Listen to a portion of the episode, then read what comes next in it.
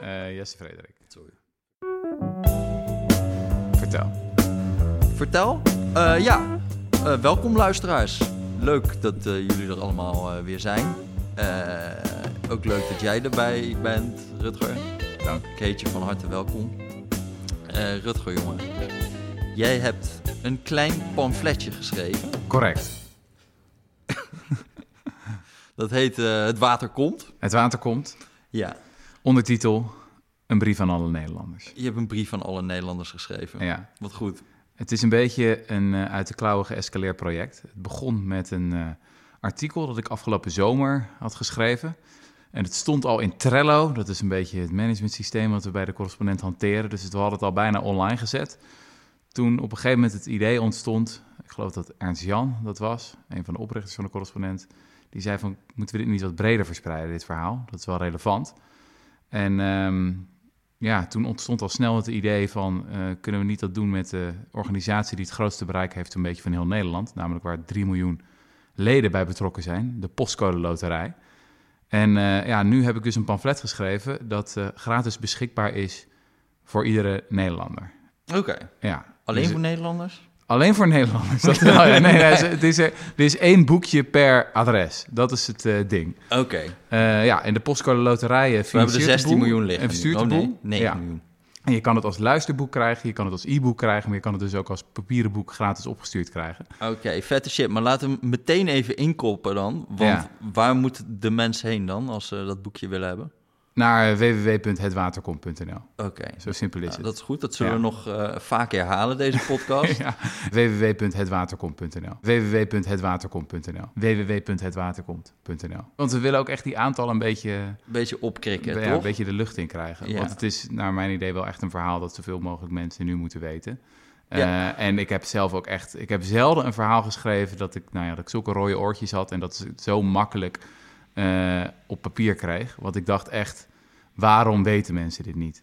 Waarom kennen mensen deze gast niet? Ja, want- want- zal ik maar gewoon aftrappen? Want je bent, je bent een held op het spoor, of niet? Ja, ja, ik ben eigenlijk nou, verschillende dingen op het spoor. Dus maar laat ik beginnen inderdaad met klimaatverandering. Hè? Dat is een, eh, een belangrijk thema. Maar het is ook een thema dat voor Nederlanders vaak een beetje abstract blijft. Mhm. Weet je, dan denk je, dan moeten we iets aan doen. Maar wat krijgen we dan? Ja, warmere zomers. Dan wordt het hier een beetje als in de Provence. Nou, dat is eigenlijk wel lekker. Eh, geen Elfstedentocht meer, maar nou, boeien. Dat is ook weer niet zo. Het weet giet je. al heel lang niet meer aan. Ja, dat is, dat, is nou eenmaal, eh, dat is nou eenmaal zo. Maar weet je wel, hoe erg is het nou echt voor Nederland? En toen heb ik voor dit stuk heb ik zeven Nederlandse wetenschappers geïnterviewd. Eh glaciologen, dus dat zijn experts als het gaat om eh, de ijskappen. Maar ook klimatologen, ingenieurs, ecologen. Ehm, en ik schrok me echt een hoedje van hoe, ja, hoe openhartig, hoe eerlijk zij spreken over het scenario... waarin we over, nou ja, 100 jaar eh, misschien grote delen van Nederland moeten gaan opgeven, omdat de zeespiegel te ver is gestegen. Dus ik dacht, als het over klimaatverandering gaat in Nederland, dan moeten we het eigenlijk vooral over het water hebben. We strijden hier al duizend jaar tegen het water. En als je nu naar de projecties van het KNMI kijkt, ja, dat is wel schrikken. Dus zelfs als we het akkoord van Parijs halen, en ik geloof niet dat veel mensen geloven dat dat nog gaat lukken, dan hebben we nu een projectie van een zeespiegelstijging in 2100 van eh 30 centimeter. Nou, dat valt wel mee. Of eh de uiterste waarde is 2 meter. En dat is heel fors. Ehm, als we dat akkoord van Parijs niet halen, dus dan ga je richting, weet ik veel, 3, 4 graden. Dan kom je in de meest extreme scenario's kom je uit op 3 meter in 2100 en 5 tot 8 meter in 2200. Nou, om je een idee te geven, de deltawerken zijn berekend op 40 centimeter aan zeespiegelstijging. Dus ik sprak al die wetenschappers en die zeiden allemaal van, eh, of je nou een ingenieur in Delft spreekt of een ecoloog in Utrecht, die zeiden allemaal, ja, we zouden het hier veel vaker en veel meer over moeten hebben, want dit is wat klimaatverandering in potentie betekent voor Nederland. De Randstad is een badkuip die ieder jaar ietsje verder wegzakt. Grote delen van, delen van Nederland liggen 4, 5 meter onder de zeespiegel. Eh, mijn geliefde Zoetermeer bijvoorbeeld, waar ik ben opgegroeid, ja, De naam, naam verraadt het al een beetje. toeledokies, zeg maar. Ja. Eh, dus dat is echt eh, een heel, heel urgent verhaal. En toen dacht ik, ik en ga eens houten even... eigenlijk? Ja, houten, ja, nog net. eh twee meter eh, boven NAP, nu nog. Eh, houten aan zee. Maar ook overstromingsgevaar hoor, gewoon van de rivieren. Oh, ja. Voor 70% van Nederland, Nederlanders liggen in, wonen in overstromingsgevoelig gebied. Dus Ja. het is echt, dat is heel makkelijk om te vergeten. De watersnoodramp 1953 is ook al lang geleden. En Maar we zegt- leven echt op een heel bizarre plek eigenlijk. Je zegt 30 centimeter tot 2 meter. Dat, is- dat is nogal wat. Als we het akkoord van. Parijs halen, ja. ja. Waar, en waar ligt dat dan een beetje aan? Van waar, wat zijn de dingen waar, waar, waardoor het zeg maar 2 meter wordt of waardoor het 30 is? Wat, wat zijn die grote risico's? Nou, wat het veel urgenter heeft gemaakt, zijn de nieuwe inzichten over de smelt op Antarctica. Dus eh, wat we nu weten is dat het ijs sneller smelt op Antarctica. eh, ongeveer drie keer sneller dan in de jaren 90. Michiel van der Broeke bijvoorbeeld, een glacioloog uit van de Universiteit Utrecht, die hier eh, voorop loopt in dit onderzoek. En Nederland is extra gevoelig voor de smelt op Antarctica. En dat is een heel wonderlijk effect, een soort van het zwaartekracht-ijseffect. Dus je moet je voorstellen, Antarctica is natuurlijk een gigantische massa land en ijs. En daar gaat dus een enorme zwaartekracht van uit. uit. Dat betekent dat het water een beetje schuin tegen die ijskappen aanstaat. En dat op het moment dat het ijs begint te smelten, grote hoeveelheden, dat die aantrekkingskracht afneemt en dat die, dat water dus minder schuin daar tegen het ijs komt te staan en dat het water aan de andere kant van de wereld omhoog wipt. Ja, want je denkt de Zuidpool, dat is, een, dat is toch wel een pleuriscent weg. Ja, ja, maar dat is, dus- wij zitten aan de andere kant van de wipwap, zou je kunnen zeggen. En dus juist als het op Antarctica heel slecht gaat, dan gaat bij ons die zeespiegel extra omhoog. Smelt op Groenland bijvoorbeeld, dan gaat het ook heel hard. Dat is niet zo heel invloedrijk voor ons. Dat maakt, niet, maakt minder uit voor de Nederlandse zeespiegel. Antarctica is echt een groot probleem. Dus ze zijn eh, eind 2018 is een nieuw rapport verschenen van Deltares, eh, ook in samenwerking met KNMI en zo. En ehm daar komen dus eh, nieuwe cijfers die, ja, die veel ja, urgenter zijn en waar je veel meer van schrikt dan bijvoorbeeld waar we het vijf jaar geleden over hadden. Jarenlang ging het over decimeters als het over zeespiegelstijging ging. En nu gaat het over meters. Ja. En al die experts die ik sprak, die denken allemaal wel van, nou, tot twee meter redden we het nog wel als we twee meter zeespiegelstijging hebben. Kunnen we nog aan. Moeten wel hele extreme dingen gaan doen. Dus dan ga je echt, eh, nou ja, op een gegeven moment ga je eilanden opspuiten voor de kust, Ringdijk rondom Scheveningen of eh, nou ja, je kan echt de gekste dingen bedenken van die grootste gemalen ter wereld. Want op een gegeven moment moeten zeg maar, staat de zee zo hoog dat de rivieren niet meer in de zee stromen, snap je? Dus dan moet je het water uit de rivieren in de zee pompen. Heel veel mensen denken altijd van ja, maar dan hogen we die dijken toch gewoon op. Weet je, dat zei eh, onze vriend Thierry, eh, zei dat laatst ook weer, van eh, we hogen de dijken gewoon op. Ja, nee, dat werkt dus niet. Want op een gegeven moment staat die zee zo hoog dat de zee de rivieren instroomt. Dat wordt dus een duur geintje dit. Wordt een duur geintje, moet je hele extreme gemalen gaan, tering van stroomkosten ook. Nou ja, dat kan nog wel tot twee meter, maar daarna is het echt terra incognita. Dan is het echt nog de vraag van, kan je niet beter Duits gaan leren en, en verhuizen? En, ehm, want soms denken we gewoon, nou ja, 2100, dat, dat is nou al een pleuriscent weg. Hè? Ja. Dus daar zijn we zelf al, eh, dat gaan we niet meer meemaken misschien. Ja. Trouwens, ja. Maar dan, dan is het nog niet voorbij, want dan gaat het gewoon nog door. Het gaat daarna. gewoon nog door, ja. En het is echt een verhaal voor onze kinderen en kleinkinderen. Dus Ja. als je geeft om dit land, als je geeft om onze cultuur en ons erfgoed, om de steden waarin we wonen, weet je wel, als je iets van verbinding voelt met, weet ik veel, de 18e of de 19e eeuw, of iets van Nederlandse geschiedenis, Mhm. dan neem ik aan dat je ook wel iets geeft om de toekomst. Dat je het wel een prettig idee vindt dat in 2150 of zo, dat dit land nog bestaat. Mhm. Ehm, dus ja, dat is ook de insteek van mijn pamflet. Het is een brief aan alle Nederlanders. Als je iets geeft om dit land, eh, dan moet je dit weten. En dan moeten we hierop in actie komen. En zou Nederland niet achterop moeten lopen, maar eigenlijk een soort van gidsland moeten zijn voor de rest van de wereld. Ehm, en het leuke is, want dat is eigenlijk een beetje mijn eh, standaard aanpak, is van dat je dan in het, in het verleden vind je ook hele mooie voorbeelden van dat we dat hebben gedaan. Ja, Het was op een gegeven moment bij een eh, live Rudy en Freddy show. Wij waren iets te vroeg aanwezig. Het was toen, eh, waar was dat in Den Haag?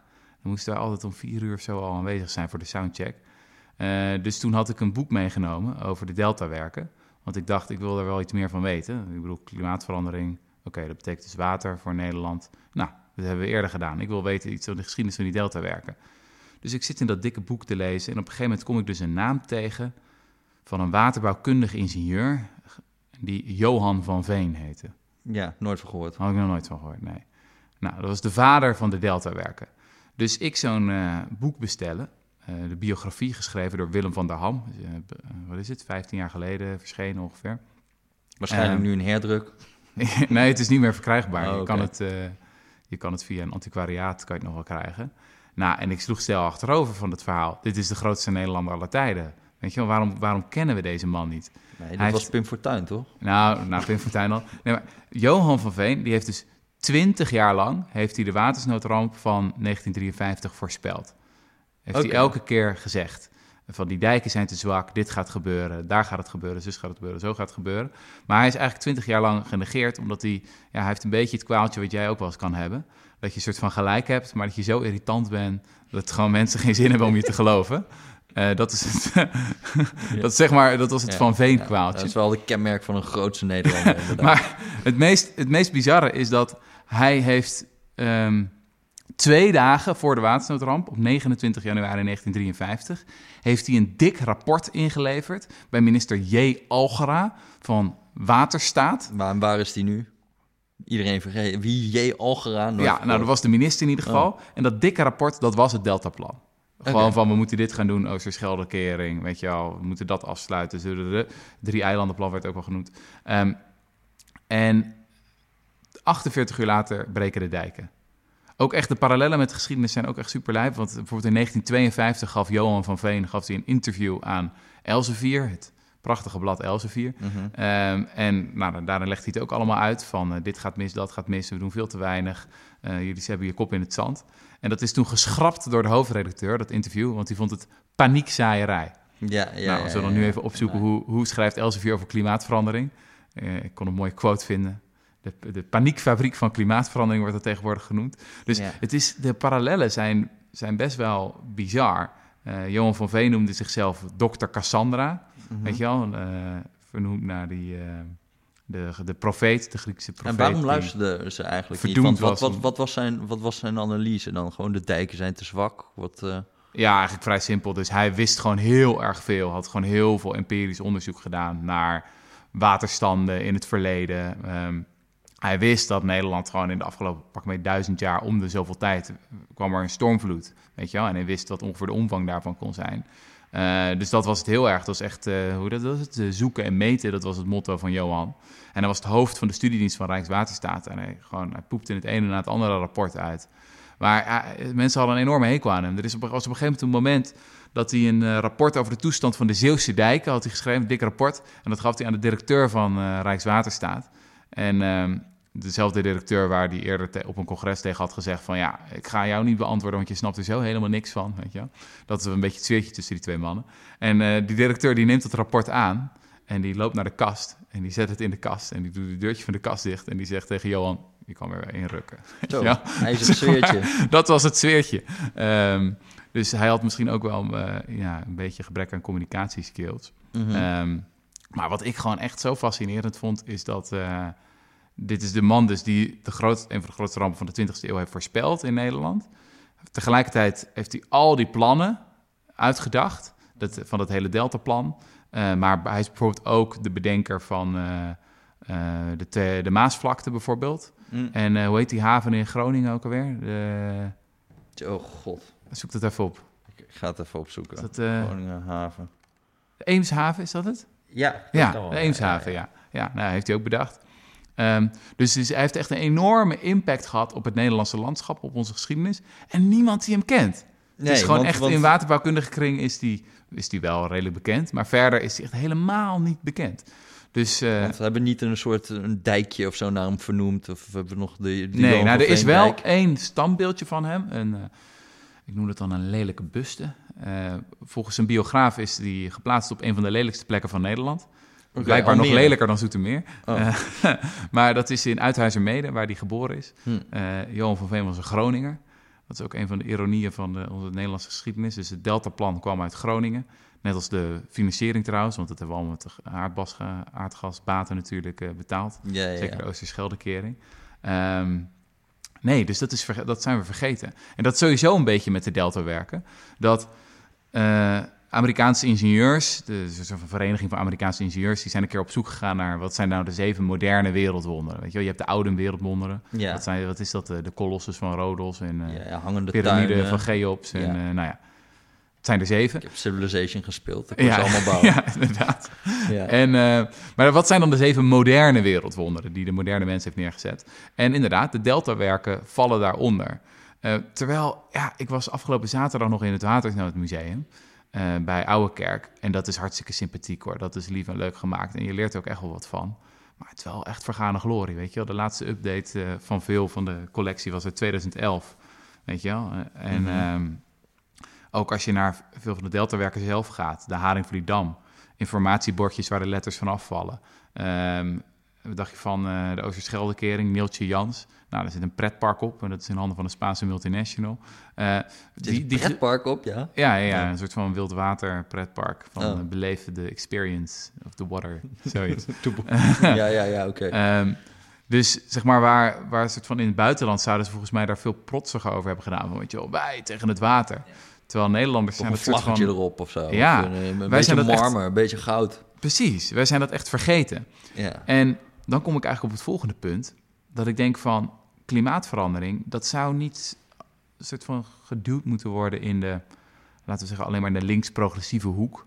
Van de deugdmens die vegan eet en zonnepaneeltjes op zijn dak heeft en in zijn Toyota Prius aankomt scheuren. Nee, dit Mhm. is een Hollands verhaal. Dit is een Nederlands nationalistisch, patriotisch verhaal van wij tegen het water. Mhm. En we zouden voorop moeten lopen in die strijd. Eh, dus dat is ook een beetje de insteek van dit eh, pamflet. Van jongens, kijk nou eens deze Hollandse held, die we allemaal zijn vergeten. Mhm. Ehm, er is één quote van Johan van Veen, daar begin ik het stuk mee. Die zegt eh, ehm, dat het probleem van Nederlanders is dat ze zo bescheiden zijn dat ze hun eigen geschiedenis niet meer geloven. Mhm. Ah, is mooi toch? Ja, dat is, dat is heel ik mooi. weet niet of ze bescheiden zijn hoor, maar in ieder geval dat we onze eigen geschiedenis dan niet meer geloven. Denk ik van, ja, eigenlijk is van wat we nu moeten doen, eh, vind je wel echt hele mooie parallellen in dat Deltaplan. Toen was het motto was eh, beurzen open, dijken dicht. Dus de beuk erin. Ik zat ook nog afgelopen week Polygoonjournaal te kijken van toen. Dat is ja, altijd dus- lekker. Nee, dus op een gegeven moment dat dan die, die schitterende voice-over, die heeft het dan ook over... Dan zijn ze, hebben ze het laatste... nou? Nou, ja, ja, nou, wacht even. Dan hebben ze het laatste gat, hebben ze bij Oude Kerk, hebben ze gedicht. Ja. Dat was heel ingewikkeld. Dus daar hebben ze vier caissons tussen moeten jetsen. Phoenix caissons, dat zijn van die gigantische... Nou ja, zoek maar op op Google hoe het eruit ziet, kan ik niet beschrijven. Van die gigantische units. Ehm, en dat was een enorme operatie. En dat werd dus echt eh, gevolgd door het eh Polygoonjournaal. En Drees kwam ook nog langs en eh, Juliana die nog even een speech gaf. Gaf En- ook een duw aan. Ja, en dat, en dat lukte toen. En dat was toen, ging in heel Nederland, ging, iedereen deed de, de vlaggen uit. En eh, dan hoor je zo die, die voice-over, hoor je het... De zee was sterker, maar de gedachte was sterker. Ah, dat is toch Ja, echt... ja, ja, ja, ja, ja, ja, ja. En, eh, want dat vond ik ook echt verbazingwekkend in dat boekje, gewoon hoe dichtbij we zijn geweest tijdens die watersnoodramp, dat het echt nog veel meer verkeerd ging. Ja, ja, ja. ja, Dat, ja, dat ja. is ook een bizar verhaal eigenlijk. Kun je daar ook iets over vertellen? Ja, dat wist, dat wist ik ook helemaal niet. Dus de watersnoodramp was een gigantische ramp. 1896 doden, 500 dijkbressen, eh weer 100.000 hectare eh, ondergelopen. Echt groot, groot drama. Maar het had inderdaad veel en veel erger kunnen zijn. Dus wat gebeurde er? Bij Nieuwekerk aan de IJssel, wat ligt dat? Het ligt een beetje ten eh, oosten van eh, Rotterdam. Daar was ook een dijkbres ontstaan, een gat in de dijk. in de Schielands Hoge Zeedijk. En dat had Johan van Veen van tevoren al gezegd: van dit is het kwetsbaarste stukje in onze hele verdediging. Als het daar misgaat, dan is Holland reddeloos verloren. Want er zit een hele dijkring eigenlijk rondom de Randstad. En nou ja, je prikt daar een gaatje in en dan loopt het gewoon onder van, nou ja, van Gouda tot en met Den Haag, Leiden. Na 20, 25 dagen zou het de buitenwijken van Amsterdam hebben bereikt. Dus dan zou een gebied waar in der tijd 3 miljoen Nederlanders woonden, zou het hebben, ja, hoe zeg je dat? Zou ondergelopen Want het is gewoon een badkuip dus. Je... Het is gewoon een badkuip, zo simpel is het. Ehm, en ehm, dat is niet gebeurd. En Johan van Veen kon achteraf echt niet geloven dat dit niet gebeurd was. Want als, hij, als het aan hem had gelegen, dan zei hij van... nee, het is juist Holland, weet je wel, Zuid-Holland, dat is het kwetsbaarst... en niet Zeeland, Zeeland ook kwetsbaar. Maar hij maakt zich vooral zorgen om, ja, om de Randstad. En waarom is dat niet gebeurd? Nou, dan kom je ook echt op een volkomen mesjog gestoord Hollands heldenverhaal. Ehm, dat je denkt, als dit een roman is, dat mensen, ja, je gooit het weg en je denkt, dit is zoetsappiger en natter en onrealistischer dan ooit. Maar het is echt gebeurd, dus dan mag je het verhaal wel vertellen. Dus wat is er gebeurd? In die ochtend bij Nieuwekerk aan de IJssel hadden ze dus door van, er is een gat ontstaan in de Schielands Hoge Zeedijk. En dat was snel uitgescheurd naar 15 meter. Nou, dan, echt, dan dondert het water met een enorm geweld, dondert het de polder in. En als je dan te lang wacht, dan scheurt op een gegeven moment die hele zee- dijk uit en dan is het echt klaar. Dan is het echt dan is het niet meer te redden. Dus wat gebeurde er? De burgemeester, die is dus, uh, nou, eerst zegt hij, jongens, uh, moeten die bel luiden. En die heeft dus uh, op een gegeven moment samen met een, een boer, Leen Boer heette die, bedacht van, er is eigenlijk nog maar één ding wat we kunnen doen. Er moet een schip gejetst worden tussen die dijk. Dat is het enige wat eigenlijk nog kan. Nou, toen gingen ze op zoek naar iemand die dat kon. En uh, dat, uh, dat bleek lastig te zijn, want uh, ja, niemand, niet te veel mensen hadden zo'n groot schip. En vooral, ja, ga je dat doen met gevaar voor eigen leven? Terwijl je weet dat als het misgaat, dat je vijf, zes meter naar beneden wordt gesleurd de polder in. Niet zo'n feest. Nou, op een gegeven moment hadden ze dus iemand, Arie Evengroen, een man van, ja, ik denk dat hij in de vijftig al was of zo, een oude ervaren schipper. Arie. Arie. Uh, en de burgemeester zei van, Arie, jij moet dat doen. Ja, het was dus echt in het, in het hols van de nacht, hè, vijf uur s ochtends of zo. Terwijl het hagelt en het stormt en het bliksemt. En nou, je kan je voorstellen dat het niet de meest comfortabele omstandigheden zijn. Want wat vond Arie daarvan? Nou, Arie wilde het niet doen. Arie zei, dat durf ik niet. En toen heeft de burgemeester gezegd, dan vorder ik je schip in naam der koningin. Ja. En toen heeft Arie gezegd, oké, okay, dan doe ik het wel. en toen heeft hij dus in die ochtend die ochtend van 1 februari 1953 ja. is hij dus daar naartoe gevaren en heeft hij iets gedaan waarvan de ingenieur van het Hoogheemraadschap, uh, wat is het, Schieland, later zei: Dit probeer je 100 keer en 99 keer mislukt het. Ja. Dus het is echt een ongelooflijk geluk. Er staat nu ook een klein monumentje. Dat monumentje heet uh, Dubbeltje op zijn kant. Je kan daar naartoe gaan. Uh, ik zou zeggen, ga er staan, zing het wel Helmes. Want als dat niet was, als dat niet was gelukt... Ja, I'm serious. I'm serious. Yeah. Als dat niet was gelukt, dan was gewoon dus hij zet, hij zet, gewoon die schuit, die zet hij gewoon bam zo op die dijk. Ja, ja, dus je zet, je zet eerst die kop zo in de dijk en dan begin je met die schroef zo er naartoe te draaien. Woep, en toen zoog hij zich er zo in. En toen stonden allemaal mensen om zandzakken erbij te doen en zo. En toen, toen konden ze het redden. Maar als ze dat niet hadden gedaan, dat is echt de, de ingenieurs, ze zijn het allemaal over eens. Um, dan was het te laat geweest, was het misgelopen. En Johan van Veen die kon het zelf ook echt niet geloven. Die, die kwam daar een aantal uur later zelf ter, ter plaatse. Hij heeft zelf nog overigens Johan van Veen aan de andere kant van de dijk. Uh, weet je wel, dat het, dat het doorbreekt in de richting van Brabant. Daar waren ook gaten ontstaan. Heeft hij zelf uh, een operatie geleid waar ze twee schepen erin hebben gejetst. Um, maar hij kon het gewoon niet geloven. De, de, van 53 had veel en veel erger kunnen zijn. Ja. Uh, nu zien we het heel erg als een, ja, vooral als een Zeeuw, uh, Zeeuwse ramp. Maar het had echt dit geschild of het was een, mm -hmm. ja, een totale Hollandse ramp geweest. En je hebt dus ook heel veel van die Nederlandse wetenschappers nu over klimaatverandering gesproken. Ja, ja, ja. En daar heb je eigenlijk een beetje twee kampen over. Ja, klopt. Ja, klopt. Van de, meer, de, meer de Delft-mensen, dat is zo'n beetje nazaten van Johan van Veen. Ja, ja. En, uh, want Johan van Veen die hield ook wel van een beetje een van de pot gerukt plan af en toe. Toch? Ja, hij wilde de Waddenzee ook nog inpolderen en zo. En die had echt de meest wilde plannen. Een idee van, we gaan een zeewering bouwen van Noorwegen tot Frankrijk. En, uh... Ja, dat mogen we uit de ijskast gaan halen, ja, toch? Ja, uh, ja. En, en je hebt een beetje de Utrecht, de meer geologen. De ecologen, ja. Ja, ja, ja. ja. Die zijn wat pessimistischer. Dus er is een tijdje geleden is een boek verschenen van Charles Mann, uh, The Wizard and the Prophet. Dat gaat dan over Norman Barlow, spreek ik dat goed uit? Ja, de, de Green Revolution. Ja, de vader van de Groene Revolutie. Die, uh, ja, die wordt wel de man genoemd die 1 miljard levens heeft gered omdat hij, uh, nou, er werd in het begin jaren 70 natuurlijk voorspeld dat er superveel hongerdoden zouden vallen, omdat de wereld niet gevoed zou kunnen worden. En die Barlow heeft toen met een combinatie van kunstmest en betere gewassen, um, ja, is hij een van de vaders geweest van die revolutie, waardoor we veel meer voedsel konden produceren als wereld. Uh, en aan de andere kant heeft hij een verhaal van een figuur, ik ben zijn naam even kwijt, die meer een prophet was. William Boog of zo heet hij ook weer? Voogd. Voogd, ja. William Voogd. Ja. Nou, in ieder geval ook een briljant denker. En die zit meer in de hoek van... Uh, je, je koopt hoogstens wat tijd als mensheid... maar uiteindelijk gaat het mis. Dat is ook een soort van twee scholen die je vaak onder wetenschappers vindt. Dus inderdaad, als het gaat over de zeespiegelstijging in Nederland... ik heb een paar wetenschappers gesproken, bijvoorbeeld Maarten Kleinhans... Uh, uh, hele slimme vent in, in Utrecht... die echt letterlijk mij quotes zat te, te debiteren als... Um, ja, ik weet niet of mijn kleinkinderen nog hier zullen wonen. En het is echt doodeng. En ga maar vast Duits leren. Zeg maar, dat soort, dat soort citaten. En dat je het aan hem voorlegt. En weet je zeker dat je dit echt in... Nee, nee, nee, dit is wel echt wat ik vind.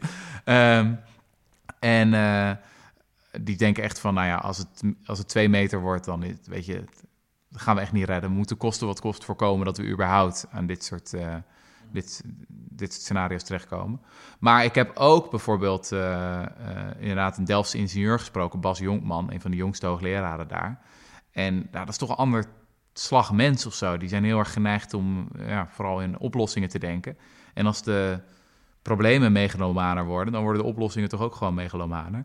Dus dan gaat het over, ja, we spuiten dan gewoon even drie eilanden op, uh, ter grootte van ongeveer half Texel. En uiteindelijk verbinden we die dan met de Ringdijk. Nou, dan verplaatsen we Schiphol naar zee. En dan, ja, wat kost dat dan? Ja, nou, een, paar, nou, een, paar, honderd miljard of zo, weet je wel. Maar dat is een beetje de scenario's waarin dat soort mensen denken. Ja. Uh, ik denk dat de ecologen en de geologen vaak ook wat sceptischer zijn over dat soort plannen, omdat ze weten wat de verwoestende effecten zullen zijn op de natuur en op de biodiversiteit. Ja. Uh, dat zeggen ecologen altijd, dat Nederland heeft eigenlijk twee milieurampen gekend de afsluitdijk en de deltawerken.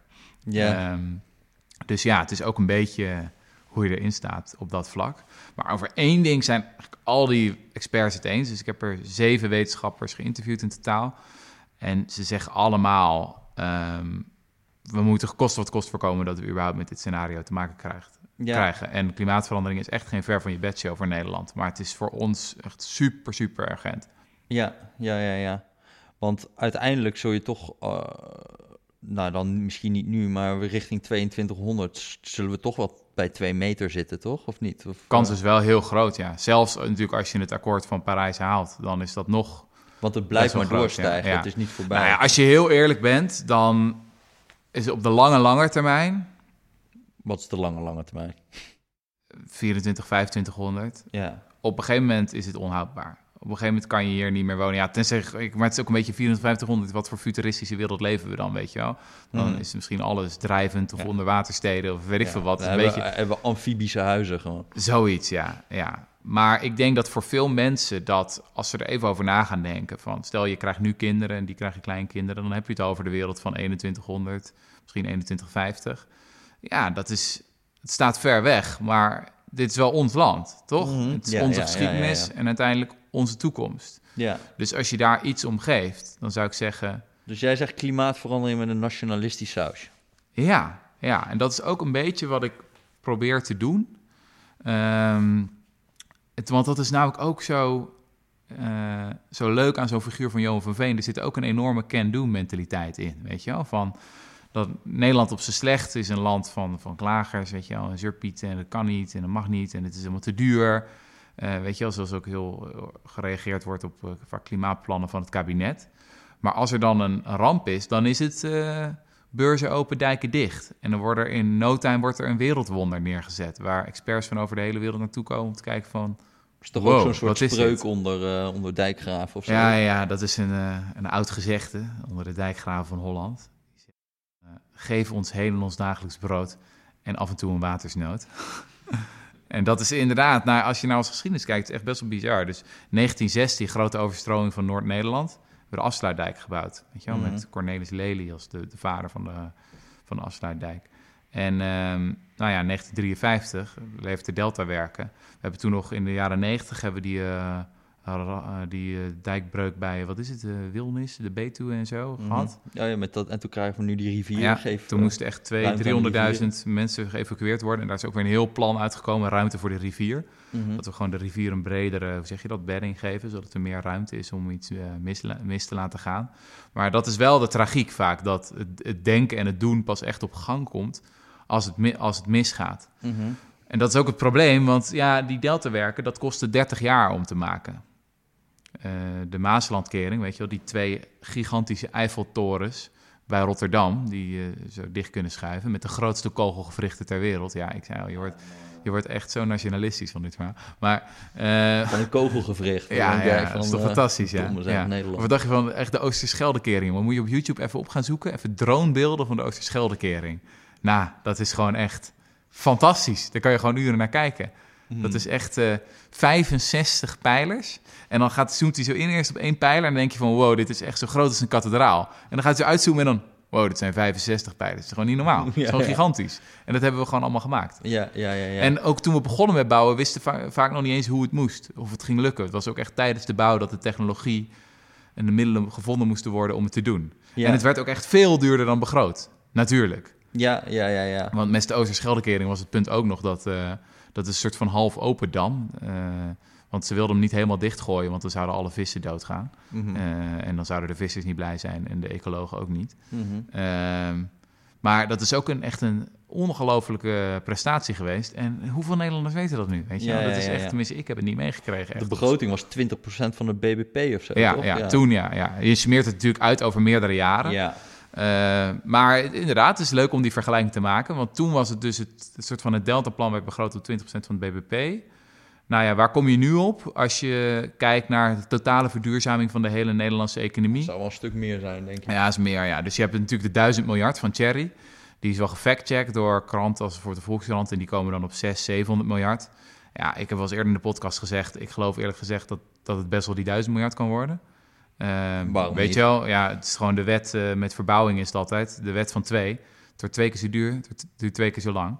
Ehm, en 1000 miljard, dat is eh, nou ja, ongeveer 100, 120 procent van het BBP nu. Maar je smeert het natuurlijk uit over meerdere jaren. Dus over, weet ik veel, 30, 30 jaar tot eh, 2050. Dus dan heb je het over 3% van het BBP. En dat is ongeveer evenveel als we nu besteden aan vakanties. Eh, nou, vakanties zijn belangrijk en dat is genieten. Eh, maar het is natuurlijk wel betaalbaar. Dus het is heel Ja, veel ja. geld, maar het- we kunnen dat wel betalen. Ja, Eh, en je krijgt natuurlijk ook een heleboel leuke dingen voor terug. ja, ja, ja, zeker. Dus ja, het is, een, het, is een beetje, het is een beetje dubbel. De, enerzijds is wel echt de boodschap van ja, dit is een enorme uitdaging. En dat betekent dus dat je offers moet brengen.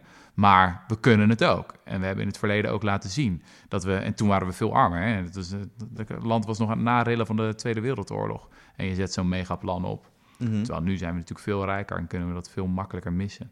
Ja, jij zegt ook van eh, we moeten dan wel iets nationalistischer zijn met klimaatverandering. Wat mij in toenemende mate dus begint te irriteren, is hoe we in Europa de hele tijd naar Amerika zitten te kijken als een soort van gidsland. Omdat, god, wat kunnen die mensen toch mooie verhaaltjes vertellen. Ja, ja, ja. En De dan- Green New Deal. ja, dan gaan we het de Green New Deal doen. Gewoon ons geeft er alsjeblieft een Franse naam aan of iets Duits Ja. of zo. Een of andere. Ja, Je bedoelt het Europese plan, dat ja, de het Green Europese, Deal heet. Er ja. is een Europees klimaatbeleid en dat is dan van Frans Timmermans. En dat is, eh, nou, dat is, dat is heel serieus. hè. Ja, het is een extreem ambitieus plan, toch? Ja, extreem ambitieus. Nou, moet, maar, moet maar, het is natuurlijk een plan. Ja. Dus je moet even kijken wat er allemaal van komt. Maar nou, eh, eh, eh, niks te klagen, zeg maar. Nee.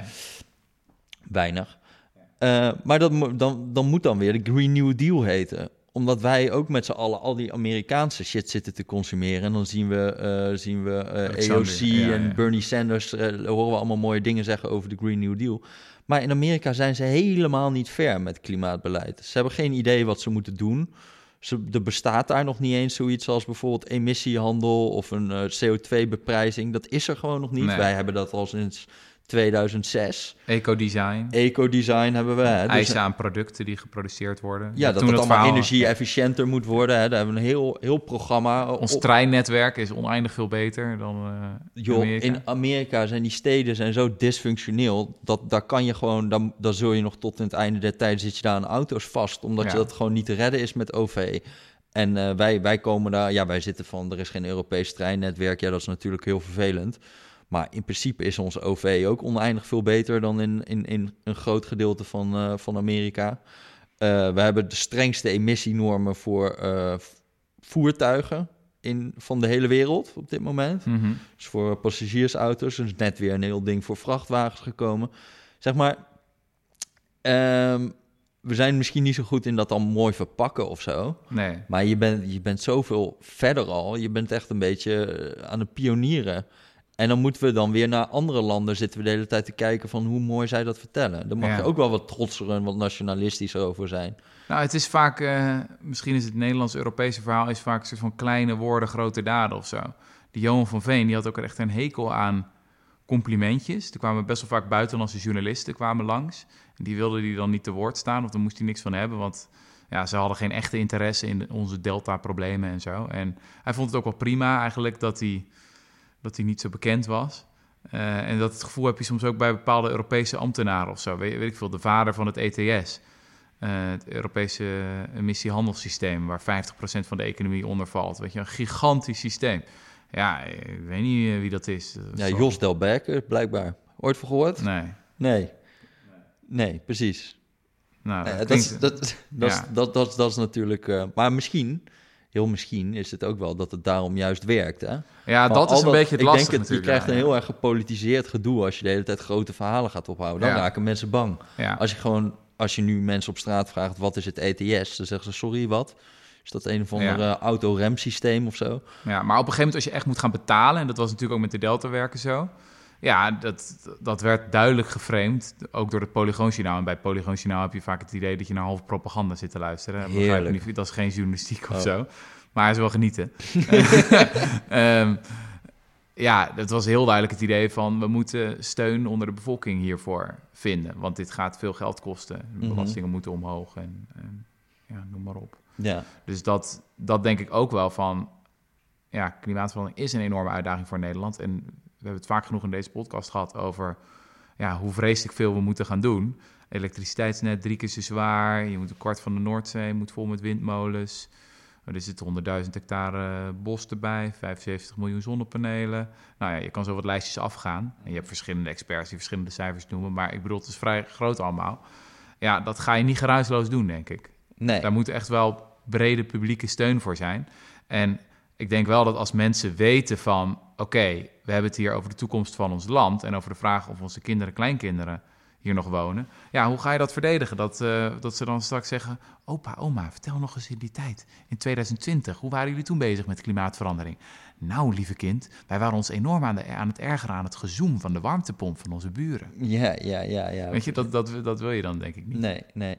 Eh, dus ik denk dat in dat, op, in dat opzicht het wel echt belangrijk is om een goed verhaal te hebben bij klimaatverandering. Mhm. En laat ik het zo zeggen, daar kwam ook dit pamflet erg uit voort, is dat ik heel vaak vond dat inderdaad dat verhalen geïmporteerd werden uit het buitenland. Mhm. Terwijl volgens mij ieder land een eigen verhaal te vertellen heeft over die alomvattende, eh, alomvattende uitdaging van klimaatverandering. En ik denk dat ons verhaal, het Nederlandse verhaal, is een verhaal dat gaat over water. Ja, het water komt. Het water komt. www.hetwaterkomt. www.hetwaterkomt. Kunnen we nog één keer doen? www.hetwaterkomt. Gratis. Ja. Luisterboek, e-book, papieren boek.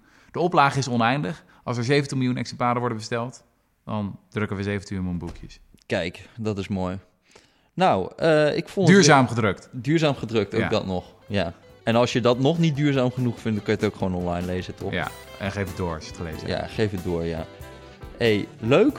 Yes. Ik vind het vet dat het is gebeurd. ja. Eh, en we gaan over drie dagen gaan we gewoon weer een podcast opnemen, want het tempo zit er nu even goed in. Hè? ja, dus dan gaan ja, we even met Bas Eickhout. Ja, dat eh, wordt weer een volkomen kritiekloos interview. Heerlijk, Ja. heerlijk. Nu al zin in. Oké, tabé. Doei. Dag.